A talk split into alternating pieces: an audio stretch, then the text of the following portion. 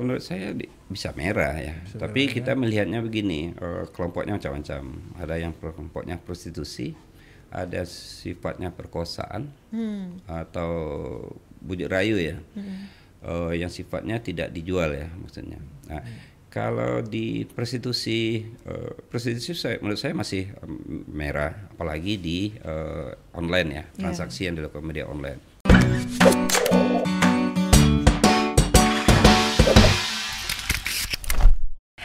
Hai Tribuners, balik lagi ini dengan narasumber ketiga. Ketiga Bukan- ya, Kak, hari Tamu, tamu bukan narasumber. Tamu, ya. tamu. Di sini ada sosok inspiratif ya. Pokoknya kita sampai nanti malam bertemu dengan orang-orang hebat. Kita bakal nemani Tribunars dari pagi sampai malam non-stop, Non-stop, pokoknya ya. non-stop 16 jam. Nah ini yang nggak non-stop aku aja nih Kak. ini baru nih, tadi tadi kan Mas Iya. Danang kan? Iya, aku Tadi masih Mas non-stop nih, sampai berapa jam ini? Nita, nanti ganti-gantian terus. Pokoknya kita maraton terus. Maraton pokoknya kita, maraton bukan Oke. cuma lari aja tapi nge-host juga. Nge-host maraton. juga. Nah ini ada siapa nih Kak? Ada Pak F Rizal. Pak F. Rizal. Dari mana tuh Pak F. Iya, Rizal? Atau kita sering eh, dipanggilannya Pak F ya Pak? Ya betul. Pak Boleh F. Pak dibuka Boleh aja dibuka maskernya, Pak. Mungkin Iya, ya. senyaman-nyamannya. Nah, biar, biar kelihatan. dikenal juga ya. Biar dikenal. Biar dikenal inilah sosok inspiratif kita Hari Pak ini F ya, ya, Pak hari F. ini di detik ini pada saat ini kita mengundang beliau ini dari eh, Yayasan Embun Pelangi. Pak F ini sendiri ketuanya Pak. Betul, saat ini ket- masih ketuanya. Ketua tapi one of the founder juga Pak. Pendiri juga. Ya betul. Pendiri juga. nah, pendiri nanti juga. kita tanya nih kenapa sih eh, dengan embun pelangi ini Iya. apa sih gitu. Penasaran ya. Iya Pak, Boleh. tapi kalau di ini masih mm, kalau dari umur kayaknya udah masih masih 30 tahun nih Pak. Enggak kayaknya 20. kayaknya 20 deh. Jangan ditanya 50-an. Iya, tuh. tapi 50 masih aktif loh. Masih seger ya. Masih segar. Auranya gitu. oke. Nah, Siap. kalau asal Pak, Asal Padang, oh asal Sumbar Padang. ya, Pak? Bukit Tinggi ya. Kalau di. Batam memang udah lama Pak. Hmm, udah belum main 93 Oh, Oh, oke. 93. Sama dengan Pak tadi, Pak Su Pak Sujud. Pak Sujud. Pak Sujud dari 91 ya, beda-beda ya duluan ya. Iya. Nggak benar. pamit ya waktu duluan. Iya iya. iya. Ini udah punya anak berapa pak? Empat. Oh empat banyak Empat juga. ya. Empat. Tiga laki-laki, satu perempuan. Semuanya di Batam, Pak. Alhamdulillah di Batam. Semua di Batam. Oke. Pak, mungkin ini kita kan tadi udah bilang bahwa Bapak adalah eh, ketuanya. Ketua Yayasan dan juga mungkin salah satu founder ya, Pak ya. Iya, Iya. betul. Jadi pelaku sejarah dari berdirinya si Embun Pelangi sendiri. Embun Pelangi. Nah, Embun Pelangi ini apa sih, Pak, sebenarnya? Hmm. Mungkin banyak yang belum Bertanya kan. nih Iya. pak. Ada embun, ada pelangi. Sebenarnya indah ya Iya, kata-katanya. Kak. bagus nih, Embun Ah. Pelangi. Ya, Embun Pelangi emang unik ya. Eh, kami berdirinya ya, ke tahun 2008, persisnya 30 Oktober. 30 Oktober. Ulang tahun nih. 2008. Oh, Bentar lagi. bentar. 12 tahun dia. Oh, Eh, 12 jadi tahun. ya didirikan sebenarnya diinisiasi oleh tiga orang waktu itu. Tiga orang kami kami ini yang kebetulan waktu itu ngabdi di beberapa LSM lain Mm-mm. tentang isu-isu kemanusiaan di Batam. Mm-mm. Tapi eh, tahun-tahun sebelum pendirian itu kami sering ngumpul karena tingginya masalah-masalah di Batam ya waktu itu. Eh, kami fokus di isu-isu perempuan, anak, eh, terus HIV dan nabza. Tahun-tahun 2006, 2007 itu kan sangat tinggi ya tingkat keka- kekerasan perempuan, trafficking, 2006, prostitusi, 2007, kasus narkoba, HIV AIDS gitu. Jadi kami ber- eh, melihat ini penting nih ada satu wadah lagi. Yuk kita coba gabung, dirikan. Dan kebetulan juga banyak orang di sekeliling kami dan jaringan yang dukung. Jadi selain kami itu ada relawan lah tokoh-tokoh di Batam yang aktif, misalnya mau jadi pembina, mau jadi pengawas terus jaringan-jaringan teman-teman di daerah lain di Indonesia juga mau, yuk dirikan. Nanti kita coba dukunglah program-programnya. Akhirnya berdiri. Dan memang kami hanya akan fokus di isu-isu perlindungan terhadap perempuan dan anak serta kesejahteraan masyarakat saja. Ya termasuk nanti di dalam itu ada isu penyakit menular, eh, nabza. gitu. Karena im- impact nabza dan penyakit menular itu sebetulnya adalah ibu dan anak. gitu. Oke. Jadi Yang pada terdampak besar adalah nantinya ibu dan anak. jadi pada awal eh, Bapak mau menc- maksudnya dari tiga orang ya tadi ya Pak ya. Iya. Berarti apa sering diaduin sama ini nih terjadi ini ini terjadi ini Iya. makanya bapak kita harus nih bikin Ya, ini gitu. betul. Kalau tahun-tahun itu ya kayak saya kan dulunya banyak fokusnya di HIV dan nabza nih. Teman-teman pecandu, waktu itu kan masih jarum suntik ya. Nah, yang ketangkap atau yang positif atau yang lagi sakau gitu kan ngumpul Mm, gitu. Gimana mencarikan solusi karena mereka kan manusia dan mereka juga korban sebetulnya gitu. Mm. Dan waktu itu kan undang-undang juga belum eh, kayak sekarang ya yang melindungi korban gitu. Nah, terus juga teman-teman lain yang fokus di eh, teman perempuan yang fokus di kekerasan terhadap perempuan. Tinggi sekali kasus yang mereka hadapi dan tidak mampu sendiri. Kalau dulu kan lebih banyak kami bergerak per orang lah ya, bantu bantu. Tapi karena saking banyaknya perlu ada.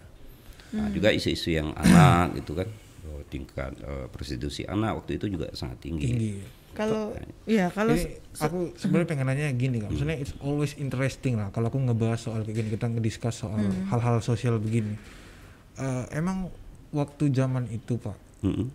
seberapa parahnya kah kasus, maksudnya kayak kekerasan dan segala macam dan apa sih kasus yang paling bapak ingat sehingga menjadi tolak balik lah pak, Mm-mm. batu loncatannya bapak akhirnya membangun sebuah organisasi ini. Apa pak kira-kira yang akhirnya aku harus buat nih? Ya sebetulnya kalau ya memang kadang-kadang kami orang tuh melihat kami aneh ya. Eh, cowok dua karena satu ceweknya dua kok isu yang digarapnya itu perlindungan perempuan. Perempuan Oh. ya. aneh sebetulnya apalagi kami berjaring dengan Komnas perempuan misalnya Iya, kan aneh yang hadir yang cowok. Cuma kita kita tapi eh, kalau di pribadi saya yang latar belakang ini ber- karena pernah menangani beberapa korban khususnya bagi saya di HIV Oke. Nah, dan ada salah satu dampingan saya, saya dampingi orang dengan positif, eh, perempuan, ibu rumah tangga. Dan yang murni sampai saat ini pun pengakuan dia itu dia tertular dari suami. Oke, iya. Tapi setelah waktu dia yang positif dulu karena dia yang duluan drop, dia yang dituduh menularkan ke Suami. suami Iya. dan juga termasuk dari keluarga suami. Oh, Oke. Akhirnya dia dipisahkan, dipulangkan. Mm-mm. dipulangkan eh, kalau dia sakit ya karena udah teraf AIDS waktu itu sampai beratnya sampai 30 di ru- di keluarga sendiri juga dikucilkan tidak diterima Mm-mm. setelah setahun di kampung dia minta balik lagi ke Batam Mm-mm. lalu dia kontak aku gitu kan Tak ya balik. Dukung. Nah, di situ saya melihat eh, ketegaran dia sebagai perempuan ya Iya, yang saya yakin bukan dia tertular bukan eh, didapat sendiri gitu. Iya. karena dia murni orangnya juga agamis gitu kan. Oke. Nah, murni karena dinikahkan itu pun dijodohkan. Oh. Nah, gimana dia bisa bertahan dari keluarga kecil dia saja, terus dari keluarga kandung dia sendiri juga di, dibuang, dipisahkan dengan kondisi yang sangat parah gitu. Dan pingin balik ke Batam dan ingin membuktikan bahwa dia tidak bersalah. Itu aja dulu dia Oke. niat. Dan mampu bertahan hidup. Oke. Karena ada keluarga di Batam saat itu juga belum mau nerima dia gitu. Karena takut Ketular. tertular. Karena dulu kan eh, stigma tentang HIV ini kan tinggi Iya, sekali. Iya, iya. Akhirnya dia mampu bertahan, eh, bekerja, walaupun bekerja sebentar sebulan dua bulan ketahuan Oh. ini diberhentikan. Dan dia ulet, dia pernah demo sendiri gitu, Oh. berjuang sendiri dan berani ngaku di depan publik Wah dia ini. eh, dia positif. Ya positif. Hmm. Iya. Sebenarnya Alhamdulillah ya saat ini beberapa tahun terakhir ada laki-laki baik yang mau menikahi dia lagi Hmm. dan sekarang sehat, alhamdulillah sehat. Iya. Seminggu terakhir dia kontak saya sehat, alhamdulillah sehat. dan Masih ya, suami Mas, sampai kerja. ya? Sih, dia sehat. Jadi kalau HIV itu kalau kita segera periksa, segera diobati, sehat kita. Oh. Jadi, Karena apalagi sekarang ini gratis loh, Bu. Hmm. Iya, orang-orang kayak gini biasanya sebutannya ODA ya. Oda, Orang-orang betul. dengan. HIV AIDS itu ya. Tapi- Memang banyak case kan. Jadi aku juga pernah ngalamin lah dan pernah ada di lingkungan eh, korban-korban HIV AIDS ini emang kadang menjadi apa ya? Jadi titik serang orang ya. Iya. Padahal dia belum tentu korbannya tapi diserang dikucilkan segala macam. Ya mungkin hari ini kayak mirip-mirip sama corona kali ya. Iya. yang menurutku ya mungkin apa yang dilakukan Pak F ini emang suatu hal yang mulia lah apalagi Iya. punya concern di wanita dan segala macam. Nah nih Pak kira-kira kasus apa pak yang sampai sejauh ini yang menurut bapak di Batam nih ya. Iyalah di Batam yang punya pengalaman dan kesan luar biasa. Heeh, kasusnya itu lebih banyak ke mana Pak? Maksudnya lebih kekerasan kah? iya kekerasan kak. Atau memang kekerasan. Kekerasan wanita ya? terus eh, masih eh, eh, hukum tuh masih belum berpihak sepenuhnya terhadap korban. Iya iya. Contoh ya Iya. kita konsoh eh, anak yang diperkosa. Eksploitasi oleh keluarga atau oleh orang lain gitu. Eh, biasa kan penanganannya kalau pencepat dilaporkan di, ditanganin penanganannya kan baru sampai proses hukum Mm-mm. Oke lah pelakunya dihukum nih. Cuma anak itu kan harus dikembalikan. Mm. Iya. Nah, kadang-kadang kita nggak enteng. Eh, ah, nanti kan lupa tuh. Ini padahal untuk perjuangan dia kembali ke lingkungan dia sendiri itu luar biasa susahnya. Mm. Belum bully ya yang harus dihadapi, Iya. disisihkan dan berapa tahun dulu juga masih ada yang sekolah dia dikeluarkan. gitu. Jadi hal-hal itu eh, masih banyak eh, saya lihat. Terus misalnya kayak yang lebih anu lagi sekarang ini kan meningkat prostitusi anak melalui transaksi media online. Oh. Itu kan marak ya. daring ya Oke.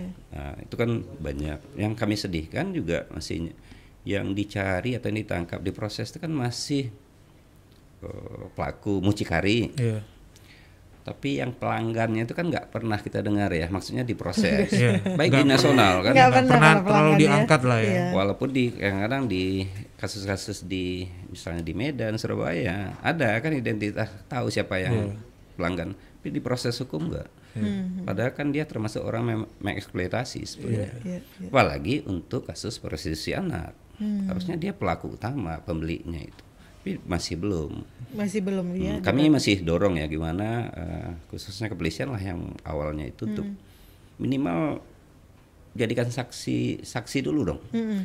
supaya ada minimal ada sanksi sosial bahwa pelaku ya tidak boleh mengeksploitasi anak gitu. Yang dicari kan selama ini kan baru mucikari Iya, iya. ininya gitu. Tapi belum menyentuh semuanya. Karena harusnya kan hukum itu membuat perubahan ya kayak masyarakat bahwa itu tidak boleh dan kalau itu dilanggar ada sanksinya. Dan masyarakat jadi jerah di situ. Tapi kalau kami lihat ini kan pertumbuhannya jadi tinggi, masih tinggi. Kasus prostitusi anak, eksploitasi seks anak di Masih Batam masih tinggi. Terus untuk penanganan setelah Ya kalau sekarang ini sampai proses hukum kami berjaring ada sembilan lembaga di Batam nih yang mau bekerja sama. Tapi setelah proses hukum selesai dia dipulangkan, dikembalikan ke keluarga, siapa yang akan memantau dia? Anak itu apakah eh, setahun lagi jadi apa? Iya, Lima tahun lagi jadi apa? Iya. Sepuluh tahun lagi jadi apa? Harusnya kan dia harus dapat menikmati hak yang sama dengan yang lain. Apakah di sini memang ada perannya sih dari Embun Pelangi sendiri?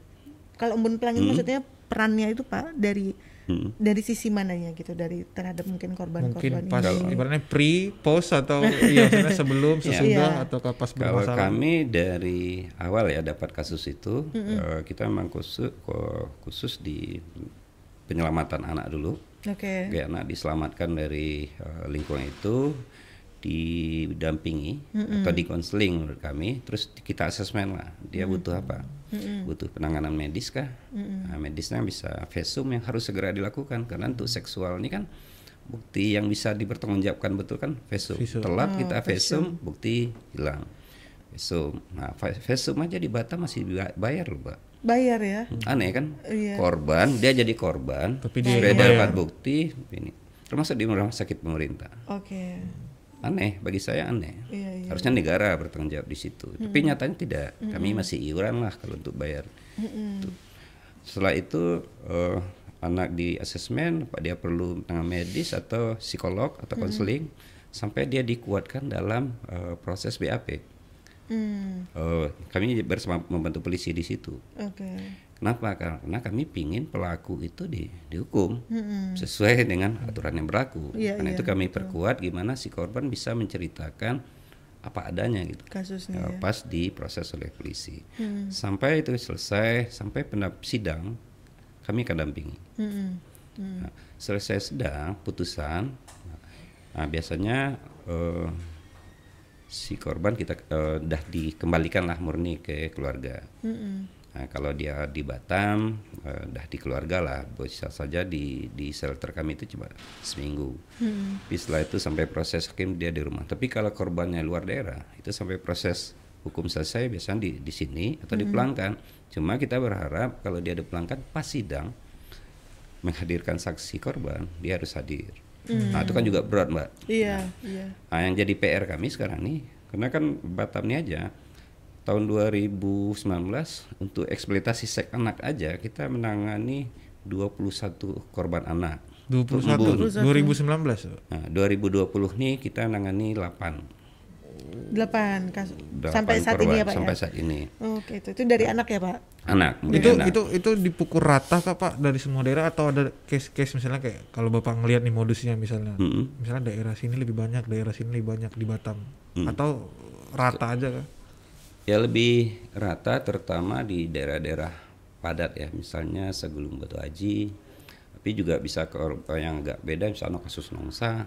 Nah, misalnya kan ada yang pelakunya tukang jual galon air kemarin yang cukup eh, viral gitu kan, Iya. Pelecehan iya. itu. Pelecehan. Per- udah perkosaan, Perkosaan. Nah, dan diiming-imingi gitu. Aduh. Ya anak dibujuk kan untuk melakukan dan itu berulang. Nah, itu banyak kasus kayak gitu di Batam dan itu yang terungkap. Belum yang prostitusi anak melalui media online. Yang hu- yang human trafficking ya Pak? Ya, Itu juga ada di Batam yuk. ada. Sebetulnya Batam itu kan eh, dahulunya hanya daerah eh, transit untuk dikirim ke luar negeri Oh, Oke. dan eh, sekarang juga da- daerah tujuan. Daerah tujuan. Jadi orang tuh dikirim ke sini untuk dipekerjakan di sini. Bisa kerja eksploitasi ekonomi, bisa eksploitasi seksual, jadi prostitusi, jadi jadi jadi pelaku prostitusi lah. Kalau ekonomi dia diperkerjakan gitu. Ya dipekerjakan apakah sebagai asisten rumah tangga atau apa tapi tidak sesuai Oke. dengan aturan atau dijanjikan bekerja di mana tapi Sesuatu tidak sesuai. Nah, itu kan trafficking jadinya. Oke. Atau memang dikirim ke luar negeri. Tapi sekarang mulai trennya dari dalam sendiri terjadi trafficking. Misal kasus kemarin ini ada eh, eksploitasi eh, penari keliling Oke. Di Batam ya Pak? Di Batam, eksploitasi di pulau-pulau antar pulau itu. Tapi pelaku eh korbannya ada yang dari Bat- eh, Kepri sendiri, dari Pinang, selain yang didatangkan dari daerah lain gitu. Oke. Dia Nah itu keliling. kebanyakan di bawah umur gitu. eksploitasinya dalam bentuk apa pak kalau kayak penari itu Kalau penari itu ya kayak ya kayak banyak- saya melihat langsung anunya tapi kalau kejadiannya dia kan ada kelompok-kelompok musik atau anu yang keliling pulau ya atau anu tapi meng- menghadirkan penari Oh. Nah, orang di anak-anak yang dipaksa menari tapi ada unsur eh, pelecehan seksualnya.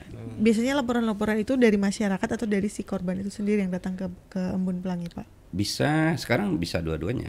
Bisa Nah, dua-duanya. jadi kami dapat sumber itu tiga sekarang dari masyarakat, dari korban atau polisi. Oh, dari ke polisi. Jadi orang tuh udah ngadu ke polisi karena kami bermitra dengan polisi. Oh. Polisi yang minta tolong dong korbannya didampingi. Oh jadi sekarang Embun Pelangi sudah bermitra sama polisi. Iya.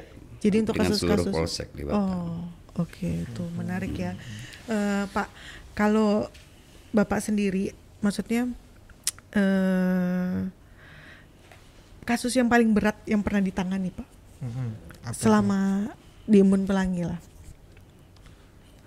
Berat-berat enggak ya? Enggak berat. atau mungkin Atau yang nggak semuanya- terlupakan kali pak ya Atau semuanya berat. Ya selain kasus eh, korban HIV tadi, ya kalau aneh ya kasus pernah kasus dua atau tiga tahun yang lalu itu adalah korban pedofilia Oh, pedofil yang pelakunya ada orang asing, tapi dia bikin mo- modusnya dengan mendirikan sanggar, sanggar kesenian di Batam wih. dan telah berjalan hampir 10 tahun.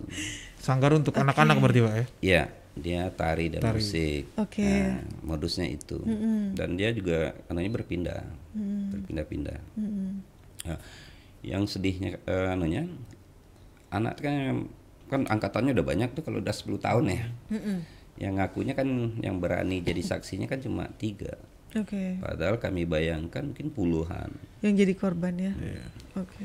itu ya sedih ya walaupun oh, pelakunya dihukum lah. Eh, tapi bagi kami berapa lemahnya eh, pengawasan di bawah ya 10 tahun dia nggak nggak terungkap gitu Iya. itu kan sedih kali Mi- miris ya. miris Iya. karena dia di- jelas dia orang asing bikin sanggar bikin ini yang di lingkungan perumahan. Hmm. tapi ya ya itulah pedofilia dia paling pintar Yang- kadang cuma diimingin imingin dua ribu lagi. Iya. beliin ya, itu. Iya, Ah, dia bisa apalagi kayak gitu-gitu kayak gitu yang sekarang yang banyak itu kan tetangga pelaku Iya, tetangga, itu. tetangga. Ah, mi- paling mirisnya sekarangnya sebetulnya di situ. Iya. walaupun kita sekarang hukum dah bagus ya tapi yang tidak terungkap kan banyak. Dan masih banyak anggapan di masyarakat kalau anak jadi korban itu aib gitu. Kalau eksploitasi Anak jadi korban tuh aib ya padahal. padahal seumur hidup. Iya iya iya. kita nggak tahu apa akan terjadi bagi dia kan nantinya. gitu. Pak, kalau untuk menjalani eh, apa eh, organisasi inilah saya bilang kan tadi Iya. kayak Bapak tadi sendiri bilang kita ada fasum bahkan kita harus sampai ke, Shelter pol- tadi ke ya, polisi bahkan nanti ada sidang. Hmm. Nah korban-korban ini maksudnya eh, anggaran yang didapatkan itu mereka sendiri eh, dari Menpelangi sendiri itu dapatnya dari mana Pak? Apakah Iya. memang ada dari pemerintah kah Hmm. atau ada donor gitu? Jadi embun sesuai visi misinya kan ingin mencapai misi misinya itu melalui misi misi visi melalui misi misinya yang kita terjemahkan eh, menjadi program-program yang kita ajukan kepada donatur-donatur. Oke. Nah, kami kebetulan beberapa dari proposal kami dikabulkan. Nah, untuk hal-hal kayak tadi Kayak tadi, HIV, ya. eh, perlindungan perempuan dan anak khususnya eksploitasi seksual. Tapi itu kan terbatas. Mm-mm. Nah, kalau lainnya kita berjejaring tadi saling menutup dengan eh, LSM lain. Selain itu kita juga banyak orang baik sebetulnya eh, yang mau berbagi. Jadi misalnya ada korban trafficking nih, Mm-mm. kita nggak ada biaya pemulangan. Misalnya dia di Jawa sana misalnya, ada ongkos besar tuh. Nah, kita carilah orang-orang kalau memang nggak ada di teman kami atau di jaring, kita cari orang-orang baik tersebut yang mau. Tapi yang tidak, dia mereka tidak mau disebutkan. Oh. Oke, dia beliin tiket, nah kayak kayak gitu. Oh. Nah, kalau selain itu ya kita dorong kepedulian masyarakat. Masyarakat tuh enak sebetulnya kok. Kalau kita ah, jadi Embun itu mencoba mengaktifkan komunitas-komunitas yang ada di masyarakat. Hmm. Eh, terutama di kami ambil di tingkat kelurahan. Jadi sekarang tuh udah ada 11 ya eh, yang di SK kan lurah malahan didukung oleh lurah. Jadi ada komunitas peduli eh, perempuan dan anak. Jadi mereka dibentuk di SK kan lurah kami yang melatih, menguatkan, mendampingi. Karena kita nggak ingin juga dibuat setelah itu ditinggal. Hmm. Nah saat ini mereka udah bisa ada yang bisa eh, mendampingi korban, Hmm. udah bisa yang bikin event Oh. dan malahan mereka 11 ini mau gabung bikin aliansi komunitas peduli perempuan dan anak di Batam. Itu yang mereka lagi coba legal legalkan gitu. Mm-mm. Berarti kalau Pelangi ini lebih ke menampung korban ya Pak maksudnya. Apakah ada sisi edukasi yang memang dilakukan untuk ke masyarakat? Ya itu eh, selain itu kita bermain di pencegahan. Nah, itu pencegahan itu ya selain kita bikin forum-forum tadi, eh, setelah itu da- kita bagi petakan for- kelompok peduli itu dari anak itu sendiri. Cuma kami, kami bina anak remaja usia kelas 3 SMP sampai SMA. Hmm. Terus orang muda kita ambil tamatan SMA eh, sampai 25 tahun. Itu anak-anak kuliah kita banyak aktifkan. Mereka tergabung kalau anak remaja itu tergabung dalam kelompok remaja anti eksploitasi seksual anak. Terus kalau udah agak eh, kuliah mereka tergabung di kelompok komunit kompa komunitas orang muda anti perdagang orang kalau nggak salah. Kompak. Nah itu mereka rutin, jadi eh, mereka ngumpul di kantor eh, rutin mingguan. Nah, itu di masyarakat. Nah, kita adakan minimal pertemuan bulanan lah. Jadi kan kalau bulan itu kan kayak arisan lah, eh, ngumpul di rumah ibu ini gitu, kayak gitu. Jadi nggak butuh biaya banyak sebetulnya, apalagi mereka senang dilibatkan sebetulnya. Jadi kami pingin pemahaman, eh, tingkat pengetahuan, pemahaman eh, masyarakat tentang isu-isu sosial ini bagus dan mereka bisa peduli dan bisa eh, terlibat. Nah itu yang mungkin belum di secara fokus pemerintah melaksanakan itu sebetulnya. Dan sampai saat ini kita belum dapat dukung pemerintah, Dari pemerintah. atau Belum ya? tidak meminta secara langsung tapi kalau bekerja sama ada Ada. Kalau Protes. kalau sifatnya event kami oke Karena yang di yang program belum karena mereka punya ladang sebetulnya yang harus mereka aktifkan Iya, iya. mereka untuk perempuan anak mereka punya P2 atau P2A Iya, namanya betul. anggarannya aja nggak ada Hmm. hmm. mereka punya KPPAD Komisi Pengawasan Perlindungan Anak Kota Hmm. anggarannya juga Nggak ada. ya kalau kami harusnya tercermin di activity atau program mereka nyata nggak ada jadi kalau menurut kami masih seremonial saja gitu. Kalaupun kami mengadu atau ada korban ya kadang-kadang ya keterbatasan anggaran SDM jadi kasihan-kasihan juga teman-teman yang jadi komisioner yang jadi pekerja di sana. Iya, iya, iya. ya kalau nggak diberi eh, aktivitinya atau biaya programnya gimana? Nah, gimana? apa yang dijalankan, Jadi ya, benar. masih eh, simbol simbolis-simbolis yang ada. Tapi Karena satu lagi saya tambahkan sebelum mana, Batam itu adalah kota layak anak tingkat pertama loh. Hmm. Dapat penghargaan. Oh iya ya. Hmm, Tapi apakah betul Batam boleh disebut kota layak anak? itu. Kalau saya balik nanya. Itu dari mana? Mungkin jangan-jangan pada Eh, boleh realitanya- minum ya? boleh, Iya, boleh, Pak. Pak. Silakan, Pak. Mungkin pada realitanya jangan-jangan Pak di lapangan lebih banyak ongkos sendiri yang keluar kali Pak ya. Iya, kadang-kadang begitu. Tapi karena kita punya program di Embun itu sifatnya kerelawanan, jadi kalau memang ada programnya minimal transport itu tergantikan. Perhatikan ya. Tergantikan. Karena itu banyak di Embun itu orang muda sebetulnya. Karena saya aja yang tua. Eh, dan latar belakang di Embun tadi balik ke Embun sedikit. Embun itu anggotanya macam-macam komunitas. Karena itu pelanginya ada. Oh. Kami dari berbagai suku, eh, juga berbagai lah, ada yang berbeda orientasi, Hmm. eh, dan juga kebanyakan dari penyintas atau korban. Hmm. Mhm. Jadi yang coba kami berdayakan mer- dan mereka bisa jadi motivator. Iya, iya, benar. Nah itu yang sekarang aktif di Dembun. Hmm. Pak, kalau eh, selama Embun Pelangi Mm-mm. berdiri, maksudnya ada nggak sih eh, selama mungkin selama inilah jalannya ada nggak tantangan atau hambatan yang yang dihadapi? Tantangan pasti banyak ya. Hmm. Kalau hambatan secara intimidasi besar enggak, tapi dulu pernah ada Dari bom molotov tapi nggak pecah ya. Oke. Tapi ta- taman yang terbakar. Ada Pernah itu, Pak? Ada. Tahun berapa itu? 2018 lah. Oh, baru juga dua, dua tahun. kasusnya saya nggak usah sebut lah ya. Oke. Tapi Bom molotov ada ini bom molotov kiasan Maksudnya- kebetulan bom molotov nih Bu. botol kayak gini Ah, ah. diisi bensin Ben- ya. iya, Karena minyak. kami tahunya pagi. Oke. Eh, ada sumbu Ya. Heeh. dihidupkan dilempar dari luar pagar. Mungkin maksudnya Oh. membakar ya, tapi jatuhnya ke, tem- ke tempat bunga yang basah. Oh, Jadi basah. Enggak inilah. pot bunga sama itu aja yang terbakar. Tapi ininya nggak pecah. Kalau pecah kan biasanya Iya. Iya, ya. meledak. Nah, Tapi, tapi tidak kita ini kan. Tapi itu itu eh, menurut kami intimidasi yang diberikan ke kami. Terus kalau lain-lainnya ya eh, ya per orang lah. Kayak WA atau apalah dengan mengirim foto sadis atau apa hal-hal begitu ada. Dan itu ya biasa ya. Karena pasti kan ada yang terganggu dari aktiviti kami gitu. Tapi yang jelas bagi kami ya selama kita tetap patokan pada landasan hukumnya, kami masih tetap misinya perlindungan perempuan dan anak. ya Udah.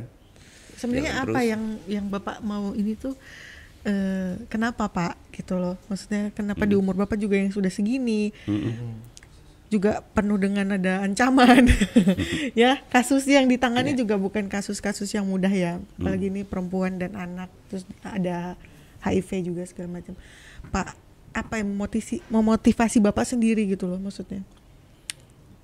Mungkin rasa nyaman ya, rasa puas gitu aja. So, karena saya memang dari mudanya nggak pernah bekerja terikat gitu. Dan belum pernah di Batam nggak belum pernah kerja kayak di Kantoran PT, gitu? kantoran nggak pernah pernah, ya? Jadi dulu bisnis kecil-kecil lah, sampai sekarang masih nitip-nitip. Sah, anu lah, join-join gitu aja. Tapi nggak saya yang pelaku untuk pendapatan lainnya ya. dan sebetulnya uh, di, tantangan bagi saya sekarang ini sebenarnya bekerja di LSM itu sebetulnya bisa menghasilkan hmm. karena sebetulnya pekerja LSM itu kan pekerja sosial yeah. di internasional diakui yeah. tapi kami di LSM kalau di pemerintah ada ada pekerja sosialnya hmm. dan tersertifikasi hmm. tapi kami di LSM ini belum tersertifikasi hmm. nah itu yang kami upayakan mereka ter tersertifikasi supaya punya nilai mereka nilainya luar biasa bagi saya sebetulnya hmm dan mereka perlu dihargai dan itu sekarang bisa disebut bekerja hmm. karena banyak waktu yang mereka habiskan untuk membantu itu gitu dan hmm. harus ada nilainya kami lagi perjuangkan itu hmm. supaya ba lebih banyak orang mau bekerja di sini gitu hmm. karena kalau untuk uh, kaya nggak bisa ya, tapi ya. kalau untuk hmm. hidup saya rasa bisa karena banyak teman-teman bertahan kok hmm. karena waktunya cukup uh, simple fleksibel dan mereka juga bisa masih bisa mencari ke yang lain dan mereka yang terutama mereka punya banyak teman hmm. dan punya jaringan yang bisa uh, apakah bisnis, apakah hmm. nantinya bekerja tempat lain. Mungkin ada gitu. kepuasan sendiri ya. Ada, yang terpenting sebetulnya adalah kepuasan sendiri. Gitu. Hmm. Karena nilai kepuasan tuh bagi saya nomor satu mungkin uang hmm. mungkin materi mungkin nomor dua gitu. Iya iya. Hmm. Karena udah membantu itu menjadi kepuasan sendiri ya, ya. pak. Lihat orang tersenyum itu sebetulnya mahal sekali bagi kita itu yang nilainya nggak nggak membuat orang tersenyum tersenyum ya hmm. bagi saya sangat sangat sangat tinggi hmm. kali nilai ya, bahagia lah ya hmm. biasa kalau saat gitu. ini udah ada uh, lagi ada kasus apa mungkin pak yang lagi ditangani lagi ya? ditangani ya Ya, kalau yang lagi tangani ada kasus uh, eksploitasi seksual sebetulnya lagi proses hukum. Hmm. Ada tiga kasus sebetulnya yang lagi sekarang dua lagi sidang. Tapi rata-rata uh, semua kasus yang kayak pemerkosaan, kekerasan hmm. itu sampai si pelaku di ini ya pak? Hukum. Di Karena target kami pelaku dihukum semaksimal mungkin sesuai undang-undang yang berlaku. Oh itu KPI gini kalau di kita target kita apa targetnya? Nah kalau ini sampai ya, karena sampai penjara gitu. Kita ya. tetap itu karena efek jerah terus ada muncul yeah. di iya. tengah masyarakat gitu. Hmm. Nah, cuma kalau itu untuk uh, kalau untuk trafficking, eksploitasi prostitusi, cuma kan baru sampainya di pelaku di bawah ya. Maksudnya calo, mucikari, hmm. orang yang berada di belakang itu belum ada yang terungkap. Yeah. Nah, itu. Padahal sebetulnya di situ. Ya kayak saya lah eh, nggak uh, nggak adilnya. Mucikari diangkat. Hmm. Korban diangkat pelanggan enggak enggak adil dong dan iya. efek jerahnya enggak ada iya, gitu iya, iya, nah itu tantangan juga bagaimana ya walaupun polisi masih belum kami tetap support sekali sekali panggil dong yeah. Oh, yang Pelang, beli itu hmm. kan jelas identitasnya, jelas kontaknya ada. Hmm. Ya, minimal jadi saksi. Jadi ada sanksi sosial dulu dong. Nah, gitu. yeah. Di kacamata Bapak nih, Pak menurut Bapak kasus kekerasan atau mungkin pelecehan seksual itu udah masuk zona mana nih Pak? Mungkin kalau sekarang kan hitam, merah. menurut kalau, Bapak nih kacamata kita Bapak. paling parah tuh zona merah mungkin ya. Iya. Udah yeah. sudah sampai zona mana nih kalau di kacamata? Kalau menurut saya di, bisa merah ya. Bisa Tapi merah, kita ya. melihatnya begini, uh, kelompoknya macam-macam. Ada yang kelompoknya prostitusi, ada sifatnya perkosaan hmm. atau bujuk rayu ya. Hmm uh, yang sifatnya tidak dijual ya maksudnya. Nah, hmm. kalau di prostitusi uh, prostitusi saya, menurut saya masih um, merah apalagi di uh, online ya, ya. transaksi yeah. yang dilakukan media online. Karena susah kita pantau. Banyak sekali kan uh, media sosial yang bisa digunakan untuk itu. Itu sangat susah dipantau dan sulit mengungkapnya mm -hmm. sampai ke akarnya. Nah, karena kami beberapa kali kasus media online juga eh kasus uh, prostitusi online juga sampai cuma mucikari sama ininya jaringannya nggak nggak ini padahal kan jaringan hmm. luar biasa sebetulnya Mungkin kalau dan dari... yang kacaunya pelaku dewasanya ini yang nggak sering nggak nggak nggak dapet gitu. hmm. mungkin kan tadi kalau online tuh susah men, eh, ini apa menelusurinya. menelusurinya mungkin karena dia menggunakan teknologi ya pak. Hmm. Tapi apakah itu ada kerjasama sama polisi ya? Mungkin polisi juga punya sat... harusnya ada. Iya. Ada. Itu. Polisi ada. kita kita juga bangga polisi banyak ngungkap mulai banyak ngungkap itu. Tapi kan kalau kita lihat kan keterbatasan mereka juga. Oh. Polsek itu cuma berapa orang? ya kalau kita lihat di tingkat bawah ya, hmm. kebetulan SDM-nya masih banyak keterampilan mereka dan mereka juga harus diperkuat. Hmm. Karena itu salah satu program yang kami kemas juga melakukan penguatan terhadap polisi. Hmm. Kayak akhir bulan ini kita kerjasama dengan Yayasan Rumah Fae ngadain uh, penguatan uh, polisi Polwan dari Sekepri rencananya. Hmm. Tapi kalau COVID-nya ini kami sebatam. Hmm. Uh, kita akan melakukan pelatihan tiga hari. Hmm gimana mereka uh, di, kita perkuat lagi ya dan semakin aktif untuk mengungkap kasus-kasus uh, kekerasan terhadap perempuan dan anak. Nah kalau kayak tadi yang korban-korban itu apakah mereka bapak maksudnya bapak Ra apa ya masih dididik atau dipulihkan kembali maksudnya tahapan-tahapan itu seperti apa pak? Ketika ada satu kasus ini dia Hmm. melapor dan selanjutnya korban ini diapain gitu maksudnya? Ya itu korban biasanya datang melapor, eh, kita registrasi dulu ya. Setelah itu di tim kita tunjuk siapa yang kan. Setelah itu ke Menangani. korban kita ya kita pastikan dulu. Memang bes- kasus itu terjadi atau kita carilah informasi sekeliling dulu. Setelah itu baru si korban kita asesmen. Karena yang terpenting bagi kita adalah penyelamatan korban dulu. Penyelamatan korban. Hmm, Jadi melalui asesmen yang dilakukan oleh eh, petugas perempuannya, pendamping atau konselornya. Nah, di situ kita asesmen lah kebutuhannya apa, baik dari sisi medis yang pertama dulu, psikologisnya dan baru kebutuhan eh, fisiknya yang lain. Jadi kalau memang penting harus di vesum seperti kayak t- kata saya tadi vesum, terus perlu pengobatan, perlu periksa, perlu tes HIV, misalnya kita harus ini kan. Nah, Minimal juga eh, itu bekerja sama dengan polisi kalau pesum. Karena kewenangannya polisi. Setelah itu eh, dia butuh eh, pemulihan psikologis sambil berjalan. Karena kan untuk eh, bisa membantu polisi dalam mengungkap kasus ya dia dikuatkan dulu. Mau ma- berbicara mau mengungkapkan ya, apa yang terjadi menyebutkan nama orang segala macam. Itu kan perlu penamping. Nah, di situ kita konseling terus. Kita perkuat mereka Ah, setelah itu ya dia berani ngomong apakah ke polisi atau nantinya di sidang karena untuk sidang itu juga dia harus disiapkan karena kadang-kadang di sidang itu intimidasi dari Si pihak pelaku. pelaku. atau pelaku sendiri ya Ini kalau ya. sekarang agak syukur sidangnya online kan kalau dulu kan ya. berhadapan jadi Iya, iya. intimidasi jadi ada ketakutan nah itu yang kita perkuat Oke. sampai sidang selesai. Sedang selesai ah, namanya tahapnya reintegrasi. Anak dikembalikan ke keluarga atau ke tempat asal. Hmm. Nah, dan di tempat asal tuh dia harus dikembalikan ke lingkungannya. Sekolah ya harus sekolah.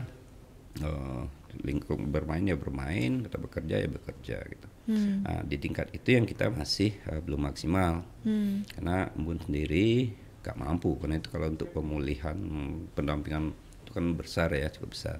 Biasanya kita hanya bekerja sama dengan lembaga lain kalau dia di luar daerah. Tapi kalau untuk di Batam kan itu lingkungannya yang kita perkuat. Bagaimana keluarganya bisa menerima itu, membantu itu dan lingkungan menerima itu. Dan itu udah di Batam berapa kelurahan kita udah perkuat dan telah terbukti kok. Misalnya awalnya anaknya yang tidak mau di sekolah lagi di, di sekolah tersebut ingin pindah, diperkuat, dia vokasi sekolahnya, eh, teman-temannya, akhirnya si anak mau nggak usah nggak usah pindah. Artinya dia ya dah nerima itu kejadian dan dia Normal tidak dan normal takut. lagi lah ya. Nah, ah, itu salah satu kepuasan bagi kami sebetulnya yang ini. Tapi memang tantangan terberatnya setelah karena banyak misalnya untuk kasus-kasus prostitusi melalui trafficking itu nantinya setelah mereka dipulangkan nanti balik lagi ke sini karena ada tuntutan ekonomi, bujuk rayu atau ancaman di daerah asal sana dan akhirnya ketemu lagi di Batam gitu. Oh. Nah, itu kan jadi ini ya karena tidak ada yang eh, Mendampingi. mendampingi di situ. dikontrol lah Iya, ya, segala itu ya. macam. Berarti yang paling berat ini malah setelahnya ya. Iya. Pos, ke- Pak, kalau misalnya aku adalah korban atau aku adalah orang di sekeliling korban, aku bisa ngadu ke embun ini lewat mana sih, Pak? Ya. Ya, lewat embun bisa di fanspage-nya langsung. Fanpage ada ya. ada Embun atau Pelangi ya. atau kita melalui eh, jaringan yang ada atau melalui kantor polisi juga bisa nanti polisi yang akan ngasih Arahin tahu ya. eh, kita Hmm. Eh, karena kita secara khusus juga nggak bisa publish besar karena ket- keterbatasan kemampuan embun itu juga sebetulnya terus juga kadang-kadang kita membatasi pengaduan juga khusus untuk hal-hal gitu Hmm. Nah kalau kita buka kan kadang-kadang takutnya pun dibilang pahlawan nantinya semua semua ya. masalah gitu. Nah, jadi kita memang eh, fokus fokus di situ. Oke. Kalau yang nggak mampu nantinya kita rujuk pemerintah sebetulnya yang Hmm. kita coba. Itulah untuk bahan-bahan advokasi bagi kami dorong pemerintah harus hadir di situ. Iya, iya, betul. Pak, satu pertanyaan eh, kenapa namanya Embun Pelangi?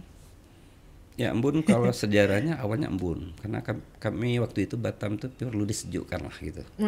Jangan sibuk dengan industri, ekonomi, perdagangan, Iya. tapi masyarakatnya juga perlu disebutkan. Ya waktu itu perempuan, perempuan segala macam masalah cuti haid segala macam banyak ya disejukkan. Tapi pas diajukan ke Kemenkumham di nggak boleh kan karena nama embun telah dipakai. Nah, terus diskusi-diskusi dengan teman-teman komunitas muncullah kata pelangi karena waktu itu memang eh, orangnya beda-beda gitu suku beda-beda kami banyak suku Eh, orientasi latar belakang pendidikan eh, ada yang dari orang baik-baik ada yang dasarnya pecandu ada yang korban gitu Iya. ya. muncullah kata pelangi waktu itu Beraneka ragam Ah, aneka ragam artinya Berwarna Itu, ya. berwarna. Oke. Oke, Pak, sangat menginspirasi ya karena eh, membantu lah istilahnya ini Iya. membantu. Jadi ada sesuatu yang eh, Pak F sendiri cari Hmm. yaitu adalah kepuasan di mana ketika korban-korban ini melapor dan mere- dan mereka sudah kembali tersenyum itu adalah kepuasan dari Pak F itu sendiri ya Pak Iya, ya betul. dari teman-teman di Embun Pelangi sendiri. ya Pak sukses selalu, selalu diberikan kesehatan Amin. untuk bisa membantu eh, teman-teman kita. Umur yang panjang juga Pak. Iya, umur Amin, yang amin. panjang Terus untuk teman. bisa menjadi tuh lah ya. Iya, terus menegakkan orang Iya. inilah, maksudnya keadilan lah buat para perempuan, amin ya. Terima kasih banyak Pak. Ini kita ada eh Minta kenang-kenangan nih Pak. ini Ren kas berikan ke Bapak. Nah, ini adalah kenang-kenangan dari kami. Diginiin Oke. Ren. Supaya resmi ya Pak. Nah, Iya. membela Langsung kese- di hati. membela kesetaraan, keadilan dan martabat manusia. Nah, ini Pak Pak F. Rizal. Pak dari F. Rizal Yayasan. dari Ketua Yayasan Embun, Embun Pelangi. Pelangi. Terima kasih untuk inspirasinya Pak. Terima kasih Semoga- telah menginspirasi Pak. Ya, Terima kasih. semoga Kembali. Tribuners juga bisa ini ya mengambil sisi Iya. positifnya. Semua positif sebenarnya Ah. karena yang kita undang sehari hari ini adalah khusus untuk orang-orang yang menginspirasi. Iya. Oke, selanjutnya nanti Kita akan ada lagi. Kita akan ada lagi. Narasumber lainnya. ya Yang eh, menginspirasi. kita sampai jam 11 malam. Tunggu Hmm. aja, kita break dulu sebentar ya. Oke, Tribuners. sukses Tribun 16 tahun